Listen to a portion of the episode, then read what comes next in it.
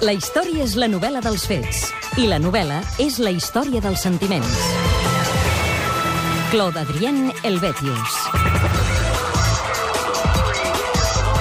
9 minuts i arribarem a les 12 del migdia. La setmana passada el Roger Escapa ens va anunciar que desmitificaria el mite de l'Enriqueta Martí, l'assassina del Raval, i ja el tenim aquí preparat per fer-ho. Roger Escapa, bon dia. Què tal, Ricard, com anem? Bé. A veure, avui, per explicar aquesta història, necessitarem una banda sonora contínua.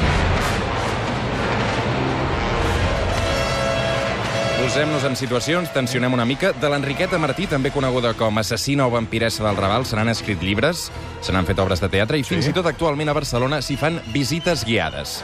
En Tor és un d'aquests guies que organitza una ruta pel Raval en els llocs on va viure l'Enriqueta i d'ella n'explica aquesta història. Enriqueta Martí realmente fue una de las asesinas en series más importantes de la historia criminal mundial.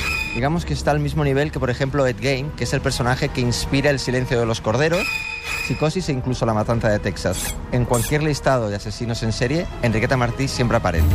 Enriqueta Martí realmente lo que es es una psicópata, pero tenía una particularidad. Su psicopatía estaba financiada por aquella gente adinerada de Barcelona y Cataluña que buscaba en sus ungüentos la salvación a sus enfermedades. Ungüentos que ella creaba con vísceras, sangre, por eso la denominación de la vampira del Raval, que ella sobre todo eran cuerpos de niños. Se sap quantes persones va matar exactament, a quants nens? La realidad es que el número es impreciso. Algunos dicen que fue una decenas y otros números nos llevan a más de 70. Per tot això dius que és presumptament fals. Tot això és presumptament fals, no ho dic jo, ho diu la historiadora Elsa Plaza, que s'ha passat una dècada sencera investigant Caram. la documentació relacionada amb Enriqueta Martí. La seva principal conclusió és que aquesta pobra dona que va viure a principis del segle XX al carrer Joaquim Costa del Raval no té res a veure amb el monstre que s'ha pintat durant dècades. Si llegeixes eh, tot, eh, tot el material que va sortir des del moment que la varen detenir aquí, just a, en aquesta casa, eh, fins a, al moment en què va morir a la presó de la, del carrer Reina Amàlia, eh, te n'adones de que no hi ha eh, cap cadàver de cap nen, no, no es va trobar cap cadàver. El judici va ser un judici solament per, eh, per haver raptat a, a una nena, que és la nena la Teresita Guitar Congoix, i per la falsificació d'uns papers, d'uns documents públics. déu nhi tot plegat per encobrir una xarxa de prostitució, no? Um, sí, uh, el que passa és que anem a pams, potser uh, l'Enriqueta Martí uh, parla es- explica que hi havia uns nens que desapareixien. Què passa amb aquests nens? En realitat sí que desapareixien nens i nenes a Ah. l'època. Però la què passava amb quantitat. aquests nens que desapareixien? On anaven a parar? Molts nens i nenes eren eh, explotats eh, de, de diferents maneres. Eh, molts eh, anaven a parar per, per qüestions probablement de prostitució també. A la premsa pots trobar eh, la denúncia de, de periodistes o de lectors. I també hi havia una xarxa de mm, tràfic de nens, sobretot per a treballar a França i van trobar 40, 40 nens espanyols eh, que, que estaven treballant allà. Per tant, d'alguna manera, la teva teoria és que Enriqueta Martí va ser un cap de turc, no? Va ser un cap de turcs... Per i a- a justificar tots veure- aquests crims i tota aquesta xarxa d'explotació. Sí, sí. I, I a més a més, bueno, coincideix la història aquesta del segrest de la, de la nena aquesta, de la Teresita Guitar, amb el descobriment d'un prostíbul infantil al carrer Botella, aquí, molt a prop, al carrer Just Botella número 7, en el qual estaven implicats eh, policies també. Eh? I justament els mateixos policies que estaven portant a terme tota la indagació sobre el, el, les històries, sobre el segrest de la Teresita Guitar, estaven implicats en eh, aquest eh, prostíbul infantil de, del carrer Botella al, al, a, la mateixa, a la mateixa setmana. Ah, un altre dels temes que perseguia Enriqueta Martí és que a casa seva s'hi van trobar ossos i taques de sang. Això és el que diu la llegenda. El Tor la narra d'aquesta manera. La casa que ella vivía en la calle Punem, encuentran emparedados varios cuerpos. Varios cuerpos de niños momificados. Y en otros lugares donde ella ha residido, en el Raval y en otras zonas de Barcelona, como ya he comentado, como el barrio de Sanz, también encuentran restos humanos.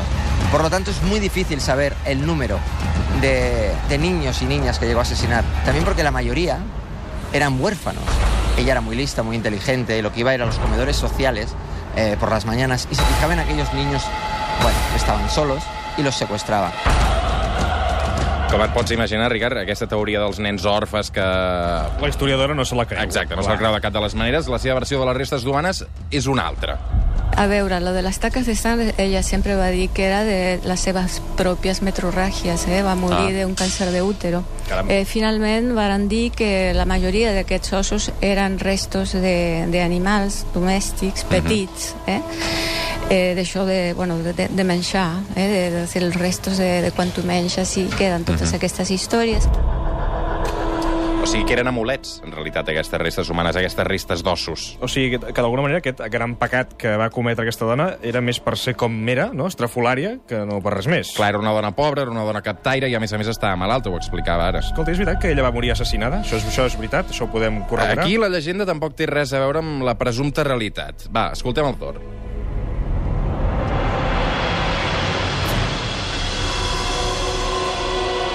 La mataron totalmente antes del juicio, pero eh, por una particularidad, es decir, ya está claro, la matan por órdenes de aquellos que la habían, habían financiado sus asesinatos. Ella cuando es detenida, ella dice que no se va a ir sola al paredón. Ella la meten en la cárcel y ella, en un momento dado, cuando está en la cárcel, en lo que es eh, el patio, bueno, otras presas le dan una paliza y muere. Suposo que aquest final tràgic d'Enriqueta Martí no té res a veure amb la versió de, de l'Elsa Plaza. Ell Eh? explica que la van matar a la presó assassinada Sí. i l'Elsa Plaza, evidentment, va per una altra banda. I quan es va fer el judici ella ja estava morta, no com diu també, no sé si la Wikipedia, però en general com, com La es diu, la no? llegenda, que va ser morta a mans de les seves companyes, sinó que va morir d'un càncer d'úter, que ella, bueno, ella deia que estava molt malalta. Eh, ella va morir el dia 12 de maig de l'any 1913 i això va sortir la necrològica, profusament documentada, tant a La Vanguardia com a tot a la publicitat i als periòdics fins i tot de Madrid que varen seguir el, tota la, la història d'ella.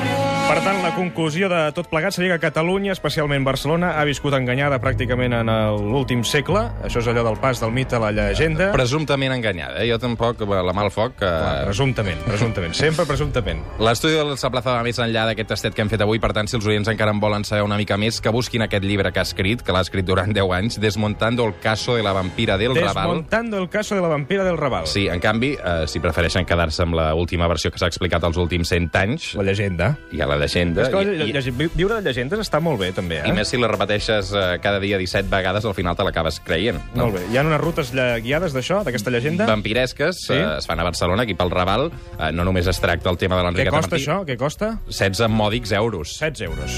per escoltar presumptament mentides. Bueno, però també està bé viure una mica de, del que creien que va passar. Potser també en aquella època es parlava d'això i no A sabien mi em fa què por, ja us ho dic ara. El que l'Enriqueta o... No, tot això. Tot això. Anar a fer això. Molt bé. Roger Escapa, gràcies per aquestes set setmanes, per aquests set reportatges. Ja s'acaba això? Ja s'ha acabat. Setmana que ve hi torno, no, amb la Còpula? La setmana que ve no, perquè segueixes a la ràdio de, de BTV. Per tant, Ah. no, no podràs... eh, Barcelona FM. Correcte.